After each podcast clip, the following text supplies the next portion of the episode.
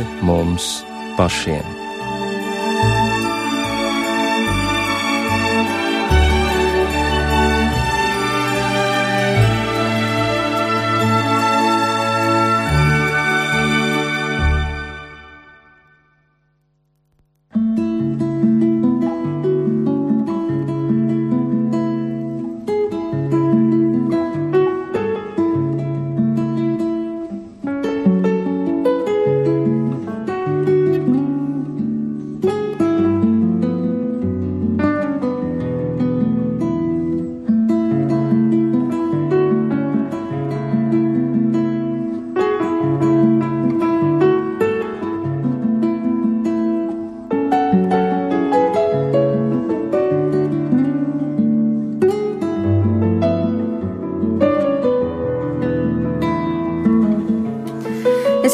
Sveicināti raidījumā pār mums pašiem, lai ir slavēts Jēzus Kristus. Studijā Inte Zēgnere par skanējumu rūpējas Regīna Cēsniece, bet mūsu raidījuma viesis šovakar ir Rīgas Kristus karāļa katoļu draudzes prāvests Ilmārs Taustaus. Labvakar, Ilmār! Labvakar! Sen neesi redzēts mūsu studijā, bet tematu šim raidījumam izvēlēties rosināja Vairākas it kā savstarpēji pat nesaistītas lietas. Vakara Latgales vēstniecībā Gors esošie piedzīvoja sirsnīgu koncertu stāstu par Jeti Užāni, jeb leģendāro cimdu Jetiņu, kura sava mūža lielāko daļu pavadīja ratiņkrēslā, tālajā dzērbenes pagastā, bet tomēr uzvarēja likteni, atrodot spēku nevien savai dzīvēi un skaistiem cimdu rakstiem, bet arī visiem tiem, kuri pie viņas brauca pēc padoma, pēc prieka un pēc uzmundrinājuma. Jetes dienas grāmatā ir daudz spēcinošu atziņu par dzīvi un jēgu, bet viena nu pat nesen mani īpaši uzrunāja, un tā skanēja šādi: Es esmu karaliene, jo es valdu pār savām domām. Un arī svētajos rakstos ir ļoti daudz brīdinājumu, sekot savām domām, sargāt savas sirdis un domas, nevērst tās uz zemes lietām, tā mūs mudina apustulis Pāvils. Tad nu šovakar mēs runāsim par mūsu domu pasauli un arī par to, kā tā ietekmē mūsu dzīvi. Tā praktiski palūkojoties uz domāšanas procesu, noskaidrots, ka domāšanu var iedalīt četrās grupās. Ilmārs māja ar galvu droši vien arī es apguvu šo teoriju. Tā tad ir kritiskā domāšana, abstraktā, tēlēnā un atmiņa. Un mēdz sacīt, ka doma ir viens no varenākajiem spēkiem pasaulē, jo visam, kas tiek īstenots, tātad jebkurai darbībai, jebkuram izgudrojumam, rīcībai, pirmsākumā ir bijusi doma, ir bijusi ideja.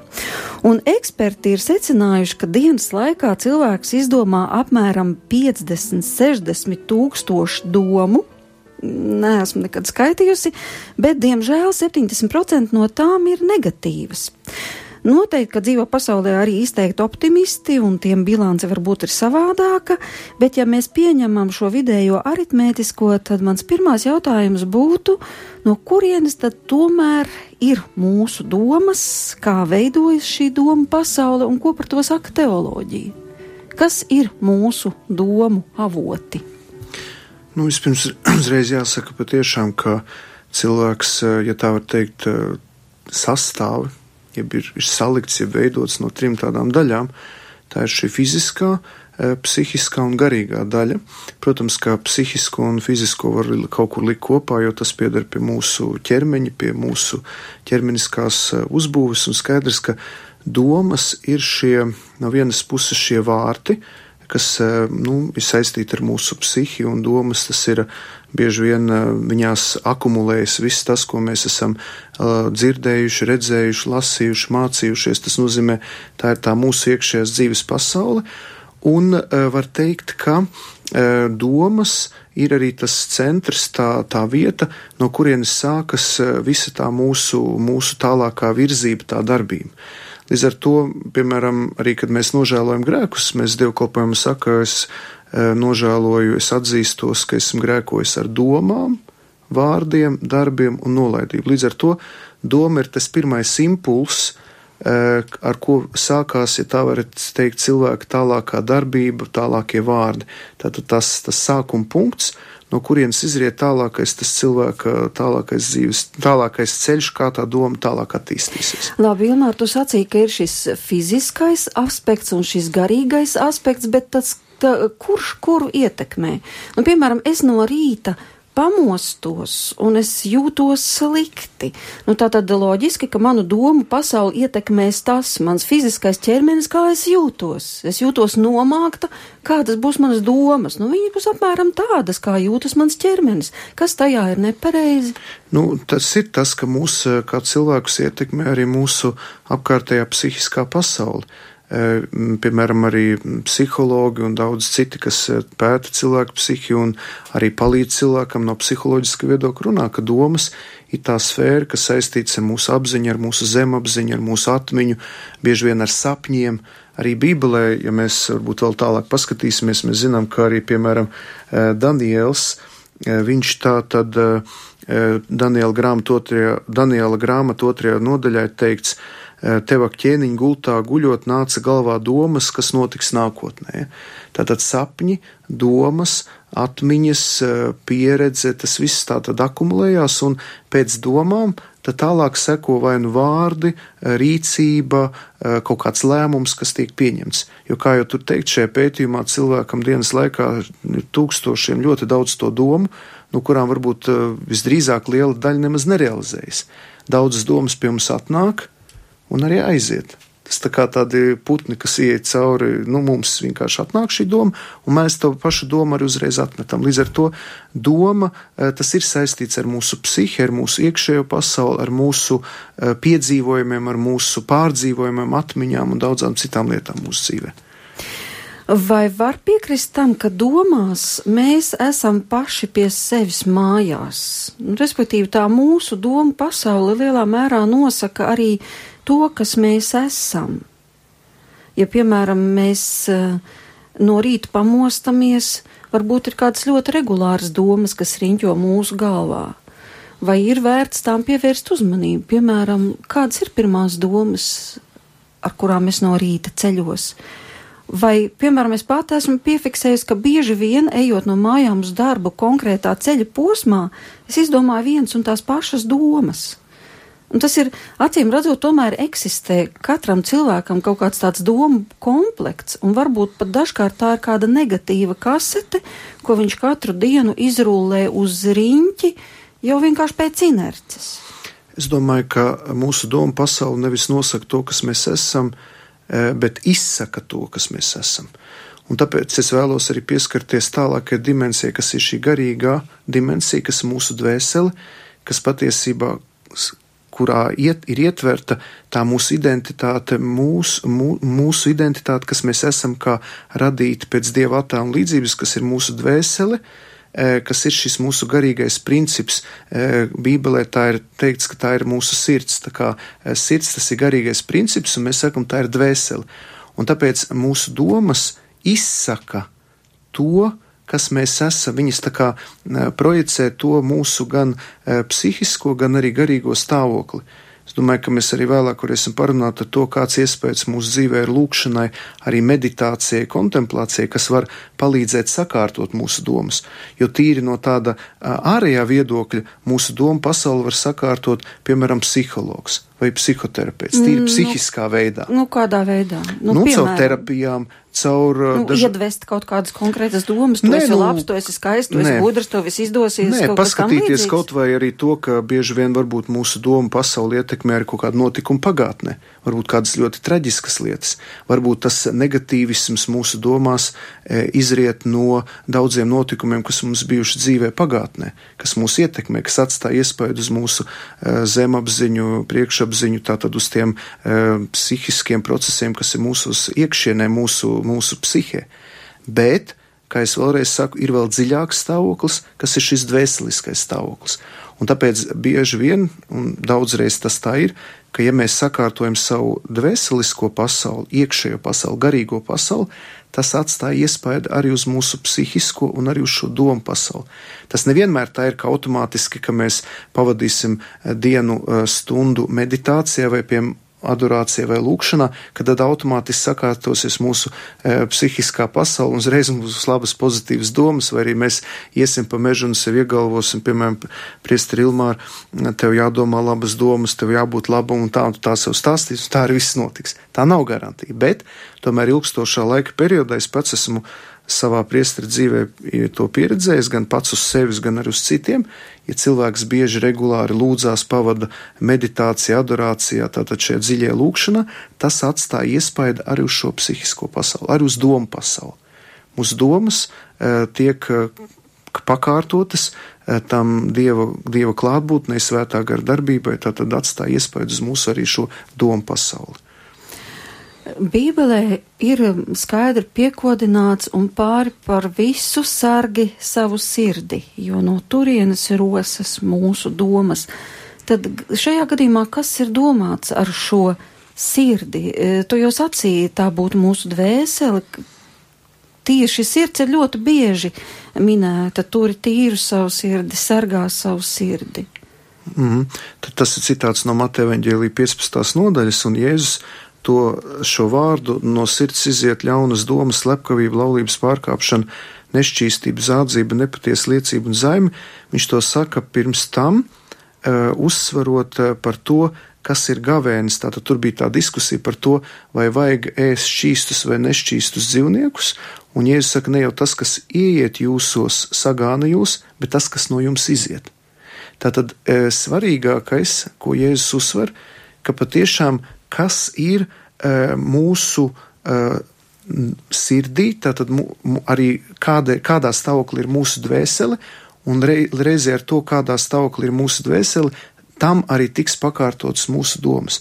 Jo, kā es vēlreiz teicu, cilvēks, kurš sakārto savu dvēseli, kuram ir personiskas un dziļas attiecības ar Dievu, arī viņa domu pasaule, viņa garīgā pasaule tiek tam pakārtota. Tu minēji tādu interesantu lietu kā gavēnis. Piemēram, ēdienas ietekmē cilvēka domas. Es domāju, ka jā. Ja cilvēks ilgstoši nav paēdis, viņš kļūst dusmīgs. Tāpēc, kad domas arī bieži vien ir saistītas ar mūsu emocionālo pasauli. Bet tajā pašā laikā vai gavēnis var attīrīt domu pasauli? Var. Taču ir var attīrīt. Zinām, svēto tēvu pieredzi. Jā, tāpēc, kad e, tur ir tā lieta, bet, nu, skaidrs, ka e, gavēnis e, ir jāskata kopumā ar visu pārējo garīgo dzīvi ja cilvēks eh, sāk gavēt, bet viņam nav citas garīgās prakses, viņš var kļūt eh, visus, piemēram, 40 dienas pirms lieldienām īgns un neapmierināts un, un dusmīgs un kašķīgs, un tad labāk, lai viņš eh, ēd, nekā viņš ir tāds, kur nevien, ar kuru neviens cilvēks negrib satikties. Tur jāskatās, ka visas šīs garīgās prakses, ko veids cilvēks, viņas ir jāskata kopumā. Un līdz ar to nebūtu mērķis gavēnim tikai tāpēc, lai attīrītos mana doma pasaule, bet tieši otrādi. E, attīrītas domas nāk līdz kā blakus efekts tai garīgai dzīvei. Tātad tas ir kā dāvana no Dieva, ka cilvēks gan lūdzoties, gan gavējot, gan ejot svētdien uz dievkalpojumu, lasot Dievu vārdu, viņa visa Eh, psihiskā, garīgā, fiziskā dzīve kļūst harmoniska, un līdz ar to viņš sāk piedzīvot tādu nu, laimi, viņš piedzīvo prieku, eh, viņš piedzīvo optimismu, jo nestoties uz tām ārējām grūtībām, viņa domās ienāk gaišums, ko dod Dievs caur, šo, caur šīm garīgajām praksēm. Mm -hmm. Labi, bet kā tad ir ar tiem trījiem domu avotiem, ko tomēr teoloģijā mēdz piesaukt, ka domas mums var dot Dievs, un tad tās ir īpašas domas, kas var ienākt prātā pēkšņi, kā padoms, kā risinājums, pamudinājums. Un tad mēs pat skaidri saprotam, ka tā doma nebija mūsu, tie nav mūsu vārdi, pat nav, nav, nebija mums tādas idejas galvā, mēs par to nedomājām tajā brīdī, bet tas ir tā kā bulta vai tā kā precīzs trāpījums, un tu saproti, tas nav no tevis. Un tad varbūt, protams, mūsu domas, ikdienišķās domas un dažādas, laikam tie 60 tūkstoši, kas pārsvarā riņķo mūsu galvās, bet tad vēl arī ir domas, kas nāk no tās sliktās garīgās pasaules. Un kā to vispār atšķirt? Ļoti interesants ir um, viens mūsu izcils svētais, katoļu baznīcā svētais Ignācijas no Lojolas. Un viņš garīgajos vingrinājumos runā par e, ienaidnieka sūtītajām domām un labā gara, jeb dieva gara sūtītiem domām. Normāli Dievs cenšas neiejaukties cilvēka pasaulē tiešā veidā, tāpēc, ka viņš mums ir devis brīvību un savā ziņā arī zināmu neatkarību. Bet viņš mūs mīl. Jā, viņš mūs mīl, bet viņš ļauj mums pašiem šo dzīvi dzīvot. Savukārt ienaidnieks ir ļoti uzbāzīgs. E, viņš neatstāja mūsu brīvību. Ja ienaidnieks vēlas mūs kārdināt, tad pirmais viņš mūsu domu pasaulē sāk sēt šīs kārdinājuma domas, šīs e, domas, e, kas virza uz ļauno. Un tāpēc svētais Ignācijas savos vingrinājumos tieši caur meditāciju, caur garīgiem vingrinājumiem, arī cilvēkam izējot caur rekolekcijām, iemāca atpazīt labā gara sūtītās iedvesmas un ļaunā gara sūtītās iedvesmas. Un tie mehānismi ir eh, ļoti interesanti, jo ļaunais, ļaunajam garam nav ļoti liela, eh, viņš nav ļoti radošs. Viņš lielākoties darbojas pēc eh, vienām pat tām pašām schēmām. Un, protams, ka mēs nevaram tiešā veidā cīnīties ar ļauno, tas nav mūsu uzdevums. Mūsu uzdevums ir būt pie Dieva un sekot viņam, bet ir vērts iepazīt savu domu pasauli, ir, ir vērts, ir svarīgi iepazīt arī sevi iekšējo pasauli, un, ja tā var teikt, atpazīt ienaidnieku izliktās lamatas un saulēcīgi nu, uzreiz bēgt pie kunga, lai atrastos kunga klātbūtnē viņa aizsardzībā. Un, kā teikts, kad valdīt pār savām domām, tas nozīmē ne, neuzķerties ļaunā gara provokācijām, bet ļaut mūsu domu pasaulē valdīt svētajam garam un ļauties viņa iedvesmām. Nu, bet kādas ir šīs lamatas? Nu, piemēram, nu, kāds brīdinājums zīmes varbūt varētu pateikt, kas liek domāt, ka jāmaina virziens, vienkārši jāmaina, jāatsakās no. Svētais Ignācijas savos vingrinājumos, un tas nu, to nevar izstāstīt tik vienkārši. Es arī neesmu pats jezuīts, to varētu kāds jezuītājs vislabāk izstāstīt, bet eh, ļaunais darbojas dažādos cilvēka dzīves etapos dažādi. Un vienā mirklī viņš var sūtīt eh, ļoti labas domas arī. Piemēram. Iepriecinošas domas, piemēram, tad, kad viņš vēlas, piemēram, mūs iepriecināt ar grēku. Kad nāk kārdinājums, viņš saka, bet, dārgais draugs, šis, šī lieta tev ir ļoti svarīga, tev ļoti vajadzīga. Bez viņas tu jutīsies vientuļš tev noteikti vajadzīgs šis iepriecinājums. Nu, tas būtu otrs palīdzēs. cilvēks, ar kuru, vienalga, piemēram, nevar vienalga, dibināt attiecības. Vienalga vai... viss kas. Mm -hmm. Un tad atkal uz garīgām lietām viņš var sūtīt, eh, nu, apnikumu, piemēram, sākam lūgties, uzreiz sāk nāk miegs, un domas, nu, ko es te daru? Tas taču ir pilnīgi bezjēdzīgi. Ko tad es stundu vecrīga adorācijas kapelā sēdēt? Nu, ko, tur taču nav nekā. Tur taču neko nevar darīt. Ja. Nekas nemainās. Nekas nekā. nemainās. Ja. Tātad, un šīs domas var būt uh, dažādas un ar dažādu raksturu un dažādu ietekmi, un viņas var būt pilnīgi pretējas, un arī tam, cil, tam kurš ne, nu, nepazīst šos uh, mehānismus, neatpazīst ienaidnieku, viņš var ļoti viegli uzķerties. Jo ļaunais mēdz būt arī ļoti ļoti inteliģents, ļoti gudrs, ļoti mm, delikāts, un dažreiz mēs mums var likt, ka viņš nāk kā labdaris, kā glābējs, kā tas, kuram rūp mūsu dzīve, mūsu liktenis, kurš grib mums palīdzēt, kurš grib mūs eh, visādā veidā darīt tikai labu, bet tās īstenībā ir lamatas. Tikpat labi arī dievkalpojuma laikā var ienākt prātā stulbas domas, un tas skaidrs, ka tās nav cilvēku domas pārsvarā, arī lūkšanā. Bet tās var būt pat nevis stulbas domas, tās var būt ļoti cēlas. Oh. Piemēram, lūkšana iesākot, pēkšņi ienāk galvā tā doma, bet pagaidi, bet man taču vēl bija tāds darbs jāizdara, un tas vēl bija jāizdara. Un uh, man parastā mana tēze, ko es saku, ka ļaunais, lai atvirzītu mūs no ļoti labām lietām, viņš piedāvā desmit mazāk labas lietas. Un tādā veidā mēs izkaisamies. Un ko dod, piemēram, manā dzīvē, es katru dienu mēģinu stundu pavadīt iekšējā lūkšanā, jeb adorācijā, meditācijā, un tas man dod šo ļoti precīzo koncentrēšanos uz, uz vissvarīgākām lietām. Jo ļaunais nevienmēr nāk kā ļaundaris, bet viņš mūs atvilina no ļoti svarīgām lietām, lai atšķaidītu mūs uz 10, 20 mazāk svarīgām, bet arī labām lietām. Tātad viņš e, novirza no mūsu svarīgākā mērķa uz kaut kādiem 10, 20 mazāk svarīgiem mērķiem un kāpēc mūsdienās cilvēkiem tik ļoti sāk palikt populāra meditācija. Nu, kristīgā meditācija ir adorācija un tās vispār meditīvos lūkšanas, jo cilvēks sāk saprast, ka viņi izkliedējas izšķīst. Un arī tās ļoti daudzās depresijas, kuras mūsdienu cilvēkam ir nāk virsū, un dažādas citas ar psihi saistītās problēmas, tās izriet tieši no šīs lietas. Kad tā vietā, lai darītu pašas svarīgākās lietas, mēs darām simtiem mazāk svarīgas. Arī visas ir kā simts svarīgas lietas, bet mums tam nepietiek laiks.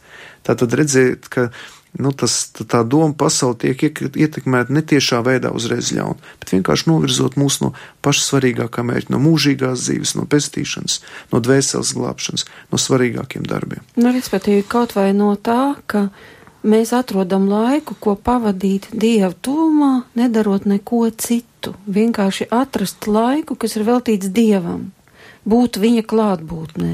Vienalga, vai lasot Bībeli, vai lūdzoties, vai vienkārši, kā jau tu sacīji, atrodoties adorācijas kapelā, bet veltot konkrētu laiku. Tad mums vienmēr šis laiks pietrūks, Jā. jo būs desmit un divdesmit citu svarīgāku cēlu lietu. Un tur ir viens paradoks, ka atvēlot konkrētu laiku Dievam, sarunā lūkšanā, mums atrodas laiks pie daudz kā cita, bet tad, kad mēs esam izgājuši caur šo lūkšanu, Dievs mūs ļoti skaidri noprecizē, ka mēs tajā atlikušā laikā izdarām to pašu, pašu svarīgāko. Piemēram, ģimenes tēvs lūdzās kapelā, un pēc iziet no kapelas saprot, man ir jāvēlta laiks savai sievai un saviem bērniem.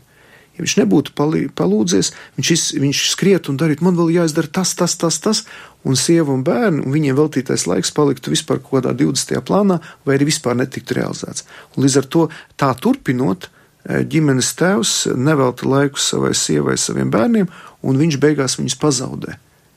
Viņi izšķirās, eh, bērni sāk ienīst savu tēvu, eh, ne, ne, nesaņemot no tēva mīlestību, viņi aiziet, nezinu, citās lietās, kaut ko tur sāk lietot atkarību vielas vai kā savādāk.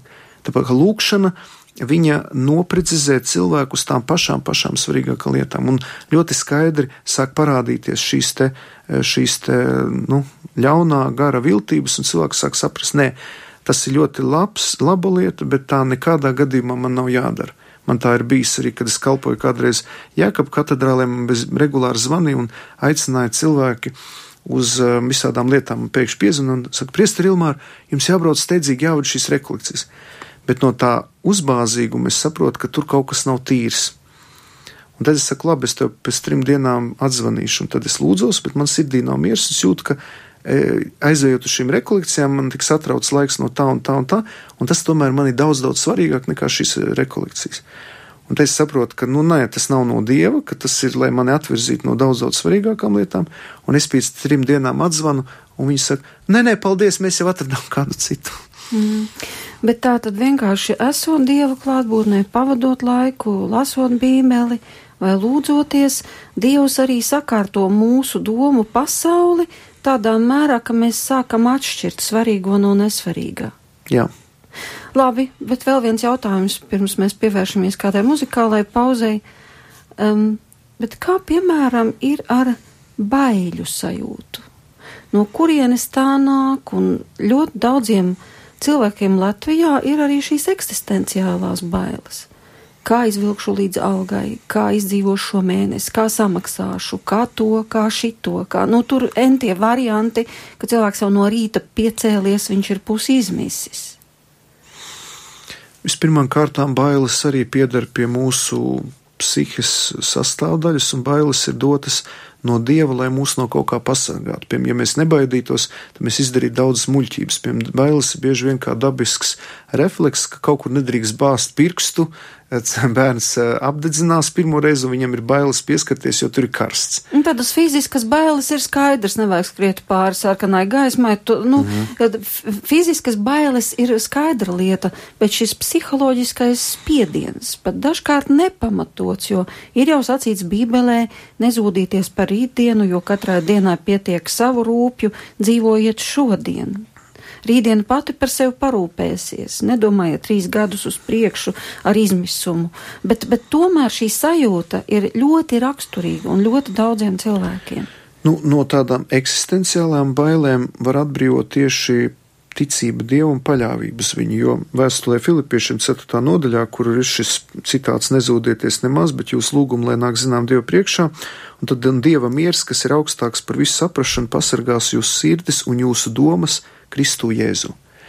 Tātad Jēzus Kristus attiecības ar viņu, eh, garīgā dzīve veicina to, ka cilvēkā ienāk šis, jā, var, varētu teikt, eksistenciālais miers.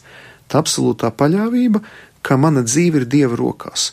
Un līdz ar to eh, kristietis nav cilvēks, kuru vairs nekas neuztrauc, kurš vairs ne no kā nebaidās, kuram viss ir eh, pilnīgi vienalga, kurš tāds staigā tā kā tāds, tāda pārdabiska būtne, jā, eiforijā. Nē. Mm. Viņš ir pilnīgi normāls cilvēks ar visām lietām, bet viņam ir tāda kā pamate, pamatne varētu teikt matrica, kā tāds, kā tāds caurstrāvojošs tāds tīkls, jeb pamats, ka viņš zina, ka vienalga, kas ar viņu notiktu, vispirmām kārtām viņš ir atpestīts, Viņš zina, ka pēc nāves viņš nenonāks ellē, ka viņam ir dāvāta mūžīgā dzīve. Tātad viņš zina, ka viņa pamata problēma nāve jau atrisināt, jo lielākoties visu baiļu kulminācija ir nāve. Ja brie, nāves briesmas, nāves bailes. Tātad eh, nāves bailes tas ir vis, visaugstākais baiļu, baiļu koncentrāts, kulminācija, kāda cilvēkam ir, ir, jo visas pārējās bailes arī izriet no šīm bailēm no nāves. Un tad līdz ar to, ja kristietim ir atrisināts šis pamat jautājums, pamat problemātika, viņš zina, ka viņš pēc nāves, non, ka viņam ir pēcnāves dzīve un ka viņam ir eh, dāvāta šī iespēja iet debesu valstībā, līdz ar to visas pārējās problēmas, šī, šo, šīs galvenās problēmas gaismā, līdz ar to paliek pilnīgi blāvas. Līdz ar to viņš zina, pat ja viņam notiek kāda kataklizma, pat ja viņam ir kaut kāda tajā dienā neiet, viņam šis ir šis eksistenciālais miers, jo viņš zina, ka viņš ir atpestīts. Bet tas viņš... nav miers, kas nāk no prāta, tas ir miers, kas viņam tiek dāvāts faktiski pārdabiskā veidā. Jā, tā, to dod ticība. To dod ticība, ka viņš zina, ka viņa dzīve ir Dieva rokās, ka viņš ir atpestīts, ka viņš ir Dieva bērns. Turpinām runāt par mūsu domu pasauli un gribu arī tev vaicāt, Vai ir vērts analizēt savas domas, cik lielā mērā mēs tās vispār spējam kontrolēt? Es atceros, ko savulaik eh, sacīja kristīgā rakstniece daudz grāmatu autore Ludmila Pleta, eh, kuras grāmata arī šeit atmoda sākas ar mani, bija īsts bestsellers 90. gadu sākumā. Viņa teica, ka viņa jau kopš bērnības bija patiešām kristieta un apmeklēja dievkalpojumus un it kā jau viss bija, bet ka viņu ļoti uztrauca viņas domu pasauli, jo tajā nebija tīrības. Bet ir arī psalmos sacīts, ka tu pazīsti manas domas. Respektīvi, ja mēs varam viens no otra savu domu pasauli noslēpt un domāt vienu, bet runāt otru, tad eh, patiesībā Dievs jau redz tās mūsu domas. Vienīgais, kurš zina mūsu domas, tas ir Viņš. Bet kā lai dabūtu tādu sirds stāvokli, ka mēs to saprotam? Ka mūsu domas nav tikai mūsu domas, bet tās ir tīri labi redzamas no augšas, sacīsim tā. Nu, atkal jāatgriežas pie svētā Ignācija, kurš aicina katru vakaru, ne tikai katru vakaru, patiesībā, nu, visi garīgi autori iesaka arī svētais Ignācijas, vismaz arī garīdzniekiem, konsekrētām personām trīs reizes dienā veikt sirdsapziņas izmeklēšanu, un īpaši vakarā pirms gulētiešanas, tāpēc arī uh, ikvakara lūkšana, kas saucās kompletorijas, ko lūdzas uh, garīgās personas, tātad tie, kuriem jālūdzas brevijārs, viņa tieši sākās ar sirdsapziņas izmeklēšanu un grēku nožēlu. Un tas ir ļoti svarīgi. Protams, var jautāt par to kvalitāti, cik mēs katrs spējam to izdarīt, bet ir vērts uh, padomāt katru dienu, ko mēs esam izdarījuši, bet arī ne tikai varbūt pateikuši vārdos vai izdarījuši darbos, bet arī kādas ir bijušas mūsu domas. Un šeit es domāju, e, visvairāk būtu svarīgi analizēt tādas domas, e, varbūt tieši šajā kontekstā izanalizēt tos avotus, no kurienes varēja šīs domas nākt. Var teikt, padomāt, panalizēt, e, kā, kādi, kādi mums bija šie domu ierosinātāji, vai šīs domas virzīja mūs uz labu, vai uz sliktu, uz kurienu mūs šīs, šīs dienas domas vadīja. E, kur bija viņa, kas, kas varētu būt viņu iniciators. Bet es nedomāju, ka vajadzētu atkal ieslīgt tik šauri, tik smalkās detaļās un e, būt jocīgiem uz katru vakaru mūsu sirdsapziņas izmeklēšana pārvērst, pārvērstos par tādu kā psihoanalīzi, ka mēs, mums to jau sākt analizēt. Bet es domāju, ka, ja cilvēks ir lūkšanā, ja viņš lūdzās, tad Dievs pats uzrāda. Viņš uzrāda uh, svētajā garā, uh, kuras domas ir, kuras domas ir bijušas no viņa, kuras domas nav bijušas no viņa, un vai mēs kādām domām esam pakļaujušies, un vai mēs kādām domām neesam pakļaujušies. Un kas ir pats svarīgākais, vajadzētu analizēt, ka, ja mēs esam izdarījuši kādu grēku, tad bieži vien grēkam par pamatni ir bijusi kāda jau kārdinātāja atsūtīta doma. Un tad būtu panalizēt, kāpēc mēs, piemēram, uh, uzķērāmies uz šīs domas, kāpēc mēs šo domu turpinājām sevī gremot, jeb dzīvot, kāpēc šī doma pēc tam materializējās vārdos un vēl sliktāk darbos, tā tad arī grēkā. Tātad mēs, piemēram, uz, kurbulējāmies pret kādu nepatikām, Jā. audzējām, audzējām, audzējām, audzējām, izaudzējām lielu domu un pēc tam rāvām vaļā.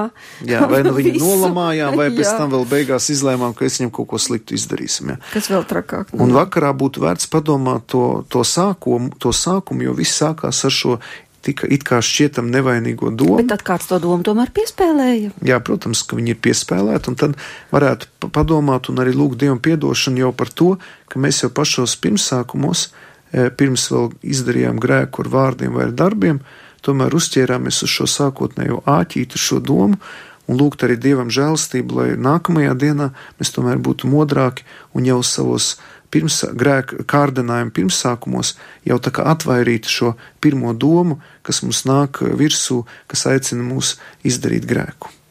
Bet, zini, ir viena tāda centrālā doma, kas lielā mērā saistās arī ar Latvijas stāvokli, ar to, ka tik daudzi cilvēki ir aizbraukuši projām, un ar to, ka bieži vien šī doma arī tiek kultivēta, ir slikti un nekas labāks jau nebūs. Un it sevišķi, ja cilvēks ir pusmūžā vai pensijas gados un redz, ka veselība kļūst sliktāka, pensija kļūst par vienu eiro lielāka, liels sasniegums un gribot, negribot, em, šī nomāktība viņa vajā ļoti daudzus cienījumu vecumu cilvēkus. Ko tur lai dara?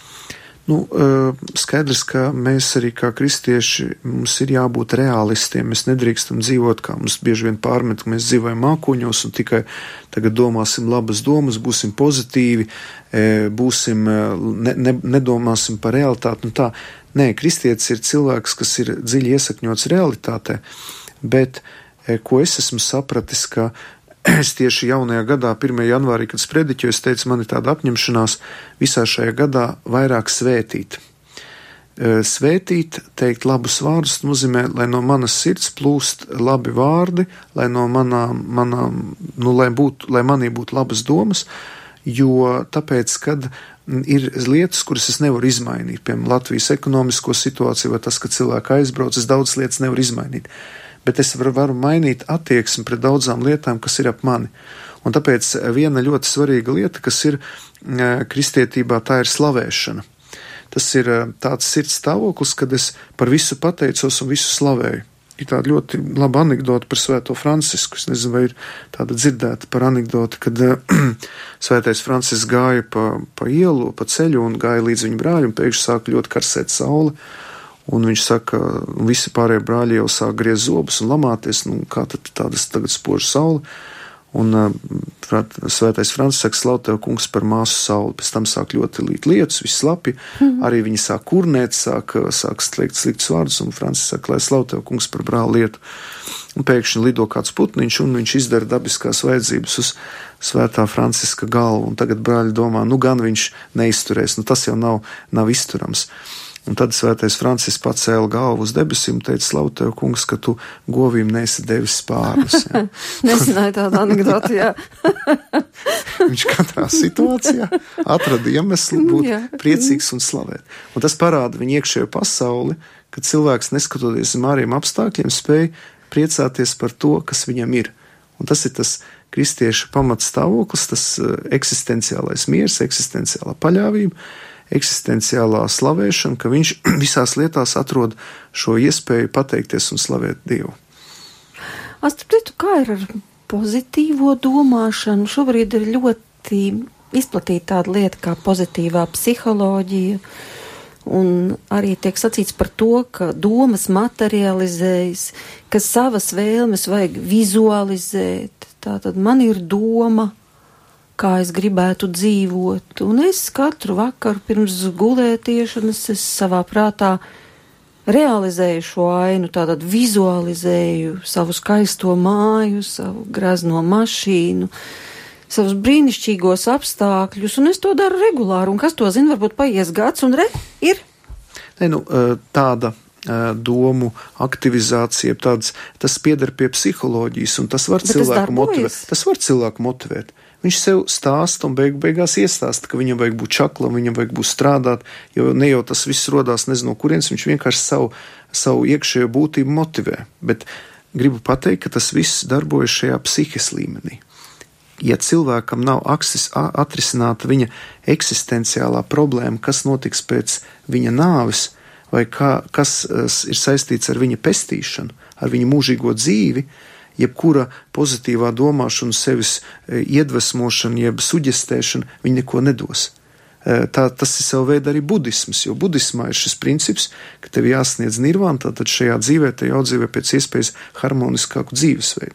Tas nav slikti, bet ja tas paliek tikai šīs zemes realitātē, cilvēks var sevi suģestēt, bet viņš nevar nosuģestēt tā, ka viņš pēc nāves nonāk debesīs. Tur ir vajadzīga pestīšana, tur ir vajadzīgs Jēzus.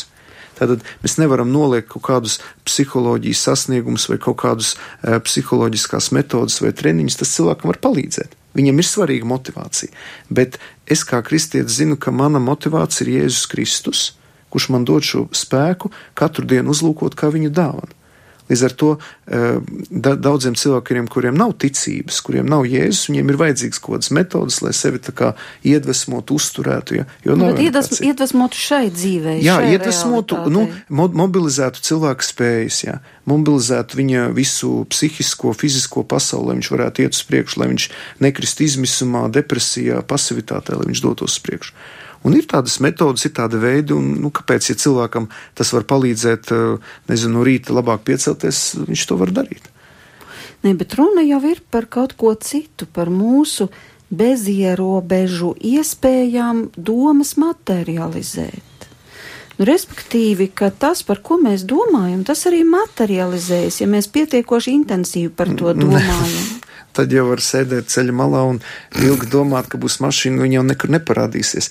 Es domāju, tādā līmenī, ka cilvēks eh, ar savām domām sūta informācijas ķermenim, lai viņu mobilizētu darboties. Tātad, ja cilvēks sev katru dienu saka, ka man ir jādara, ka man ir kaut kas jāveic, nu cilvēks arī to dara. Viņš mobilizē savu ķermeni rīcībai, kaut ko paveikt. Bet tas, ka, piemēram, cilvēks sēž uz ielas malā un, un saka, es gribu mašīnu, es gribu mašīnu, un viņš tā sēž un pēkšņi viņam mašīna parādās. Nu, tas gan drusku ir pāris, nu, tās varbūt ir tādas pasakas, un nu, nav tā, ka tagad cilvēks ar savām domām. Cita lieta, ja cilvēks lūdz, bet arī. Un šeit ir tas jautājums, ko citi saka, ka es tagad lūkšu mašīnu, man tagad Dievs no debesīm novedīs, nometīs mašīnu. Es lūdzu, lai man būtu mašīna, bet man ir jārīkojas lai man tā mašīna būtu. Tā tad viņi jānopelna. Līdz ar to daudz arī pārprot, jo domā, ka, ja viņi lūgs, tad Dievs viņiem iedos neko nedarot klēpī. Tāpēc lūkšana vienmēr iet līdzi kopā ar cilvēka līdzdarbību, ar cilvēka aktivitāti, ar viņa, ar viņa sadarbību ar Dieva žēlastību. Respektīvi, tas nebūs gluži tik primitīvi, ka kādu dienu pie loga stāvēs mašīna, bet tas būs varbūt process, kurā Dievs iedos virzienu vai atsūtīs kādu cilvēku, vai radīs situāciju, vai iedos padomu, kā rīkoties. Un tad, nu, beidzot ar savu darbiņu pie tās mašīnas, nu, kaut kā nonākt. Protams, un tāpēc šeit arī svarīgi saprast, ka lūkšana tā ir nav kādu lietu izprasīšana dievam vai kaut kādas ērtākas dzīves iegūšana, bet lūkšana vispirmām kārtām ir atrašanās dieva klātbūtnē un savas dzīves atdošana viņam. Un tad, ja es esmu ieaicinājis Dievu sevī, savā sirdī, dvēselē, arī savā domu pasaulē, tad pats Dievs no manas iekšienes sāk darīt lielas lietas, bet caur mani, ar manu palīdzību. Tad es esmu Dievā, Dievs ir manī, un tad mana iekšēji, Dieva iekšēji pārveidotā dzīve sāk parādīties manas uh, dzīves darbības ārējos efektos. Tātad es, kura dzīve tiek no Dieva pārveidota, sāku labāk strādāt, labāk eh, runāt, nu, runāt sirsnīgāk, tātad domāt labākas domas, teikt labus vārdus, nezinu, strādāt čaklāk, eh, nekrāpt, eh, nedot kukuļus, tā tad, nezinu, būt, būt nu, labā, labāks cilvēks. Tad tas man no iekšienes pārveido, un tie ir tās lūkšanas augļi, nevis tas, ka es nemainīšu savu dzīvi, tagad dzīvošu kā vecam un aiziešu vienreiz gadā vai divreiz gadā Ziemassvētkos lieldienās, pateikšu Dievam, ka vajag mašīnu, Dievs man iedod mašīnu, aiziet projām. Jā, bet ir Bībelē viena tāda ļoti interesanta vieta, un tas ir jaunajā derībā, un to saka Jēzus par to, ka pirms jūs no tēva kaut ko lūdziet, lūdziet tā, it kā tas jums jau būtu. Vai tu vari izskaidrot šos vārdus? Nu, tad... Lūdziet tā, it kā jūs to jau būtu saņēmuši. Tas nozīmē, ka Dievs zina jau pirms mēs lūdzam, Viņš jau zina, kas mums ir vajadzīgs, Viņš jau zina mūsu domas. Līdz ar to es pilnībā esmu pārliecināts, ka lūkšana, eh, jā, viņa var būt kādu lietu prasīšana, bet pat pašā pamatā viņai ir jābūt eh, klausīšanās, eh, klausīties Dievā, būt viņa klātbūtnē. Tas ir kā divi, divas mīlošas personas, jo tas ir attiecības. Līdz ar to Dievs jau arī norāda, ka lūkšana vispirmām kārtām ir būšana kopā ar to, kuru es mīlu vai arī gribu mīlēt. Un līdz ar to tas pilnīgi maina Eh, vispār skatījumu uz kristietību, uz daudzām citām lietām. Tāpēc arī ir ļoti svarīgi kristietība arvien vairāk ienest šo meditācijas, kontemplācijas, iekšējās lūkšanas aspektu. Tāpēc arī šī meditācija kļūst tik populāra, jo cilvēki ir sapratuši, ka viņiem nav visvajadzīgs dievs, kurš dod, kurš no kura var kaut ko paņemt, bet vispirmām kārtām ir vēlme satikties ar pašu dievu. Nu, bet tomēr pakavēsimies pie šīs uh, vietas, uh, kad jūs lūdzat, tad lūdziet tā, it kā jums tas jau būtu. Tā ir ļoti interesanta vieta svētajos rakstos, un vai ko mēs nelūgtu? Tikpat labi varbūt tiešām, piemēram, nezinu, darbu vai to pašu mašīnu, vai lai kas tas nebūtu. Tas nozīmē, ka acīm redzot, būtu visai pareizi, ja mēs lūgtu, ja var tik lielu pateicības devu, ja mēs justos tā, it kā mums tas jau pieder. Tur ir kāda manipulācija, vai kas tur īsti ir? Tas nozīmē, ka dievam ir ticība. Nē, nu, nu, kāpēc noz... viņš tā teica? Es domāju, ka tā galvenā būtība, ka mums jau tā mašīna ir, pat ja mums viņa nav. Tas nozīmē, ka cilvēkam svarīgi jau nav vis tā mašīna vai māja vai kāda lieta, ko viņš lūdz. Jo Dievs, ja grib, Viņš var dot mums visu, kas mums ir nepieciešams. Tātad Dievs ir visu lietu devējs. Un man, pirms es eju lūkšanā, vispirmām kārtām ir jāpasaka Dievam, kas saka paldies jau par to, kas man ir. Līdz ar to lūkšana pirmām kārtām ir, kā es teicu, nevis kaut kādu lietu prasīšana, bet pirmām kārtām attiecības ar viņu. Tas parādās visās vietās, kur es runāju par lūkšanu. Visās vietās ka viņš ir tas autors, kurš visu dod. Un viņš saka, ja, ja, ja gribat, ja, jūs, ja, ja tas ir priekš jums nepieciešams, jums var visu dot, vai tēvs var dot, eh, kā tur bija čūskas, čūsku vai akmeni, maizes vietā un tā tālāk. Dievs zina, kas mums ir nepieciešams. Tāpēc te ir ļoti svarīgi, ka, eh, nu, bieži vien kristietība ir pilnīgi pārprasta. Tā ir izveidota kā tāds, kā tāds tirdzniecības laukums. Es un Dievs, man vajag, tu dod, es eju, man gribās, un tā problēma ir tāda arī, ka cilvēks baidās pilnībā atdot savu dzīvi, e, dzīves pilnīgu kontroli Dieva rokās. Mēs ejam pie Dieva tikai kā no malas, tikai no, kā pie tāda, no kura kaut ko paņemt. Bet e, nekādā ziņā es negribu viņam atdot savu dzīvi pilnībā, lai viņš man nejaucās manā dzīvē, lai viņš man nekontrolē un nevada. Es aiziešu, paprasīšu Dievu, man vajag to, to, to, to, es dabūšu, viss, vairāk man lūdzu liec man svētu mieru. Nu, bet kā tad ir ar to meditāciju? Dažkārt arī meditācija, šis pats vārds tiek uh, stipri vien pārprasts.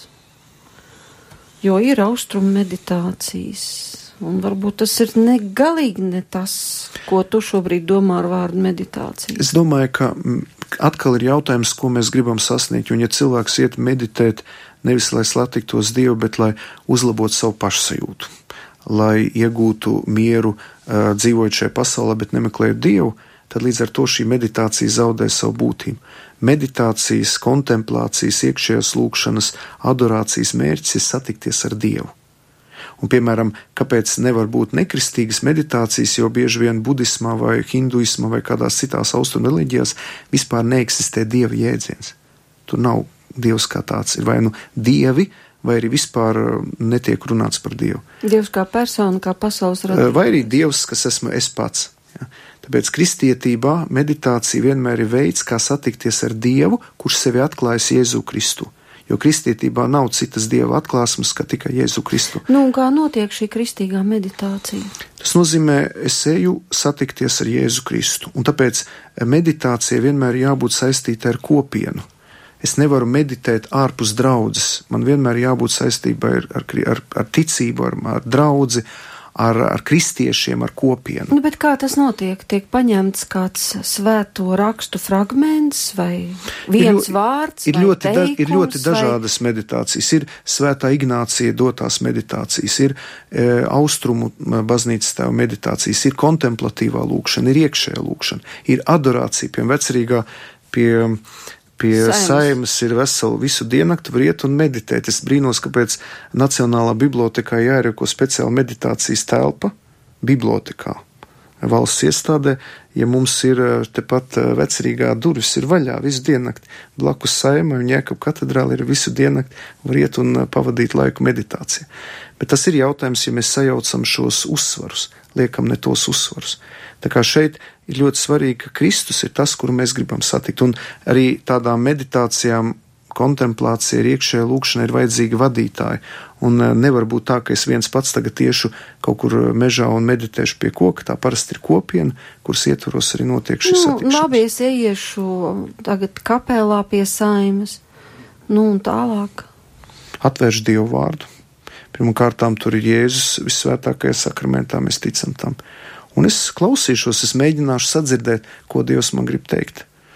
Un ja nu es nesadzirdēšu? Un tad vēl jāpaklausās. Lielākoties dažreiz ir, piemēram, ja mēs gribam stundu pavadīt klusumā, lūkšanā, ir vajadzīgas 59 minūtes, lai pēdējā minūtē sadzirdētu. Jo Dievam ir vajadzīgs laiks, jo ir jānoklust mūsu domām. Bieži vien mūsu doma pasaule tik intensīva, ka mēs uh, mūsu domas tik ļoti ir izkliedējušās, mēs domājam par citām lietām, ka, lai sadzirdētu Dievu, mums ir jāapklust. Mūsu domām ir jānorimst. Un tad mūsu iekšējā doma pasaulē, mūsu dvēselē ienāk Dievs, kurš runā. Te no acīm redzot, mums šim raidījumam arī jāliek punkts. Un jāsaka paldies Ilmāram Tolstovam, kurš atbrauca no Sarkandaugavas, Meža parka, no Meža parka, jā, no Kristus karaļa draudzes, kur arī ir pietiekoši jauka vide, lai varētu doties nelielās pastaigās un acīm redzot arī domas sakārtot. Paldies par šo ieskatu domu pasaulē.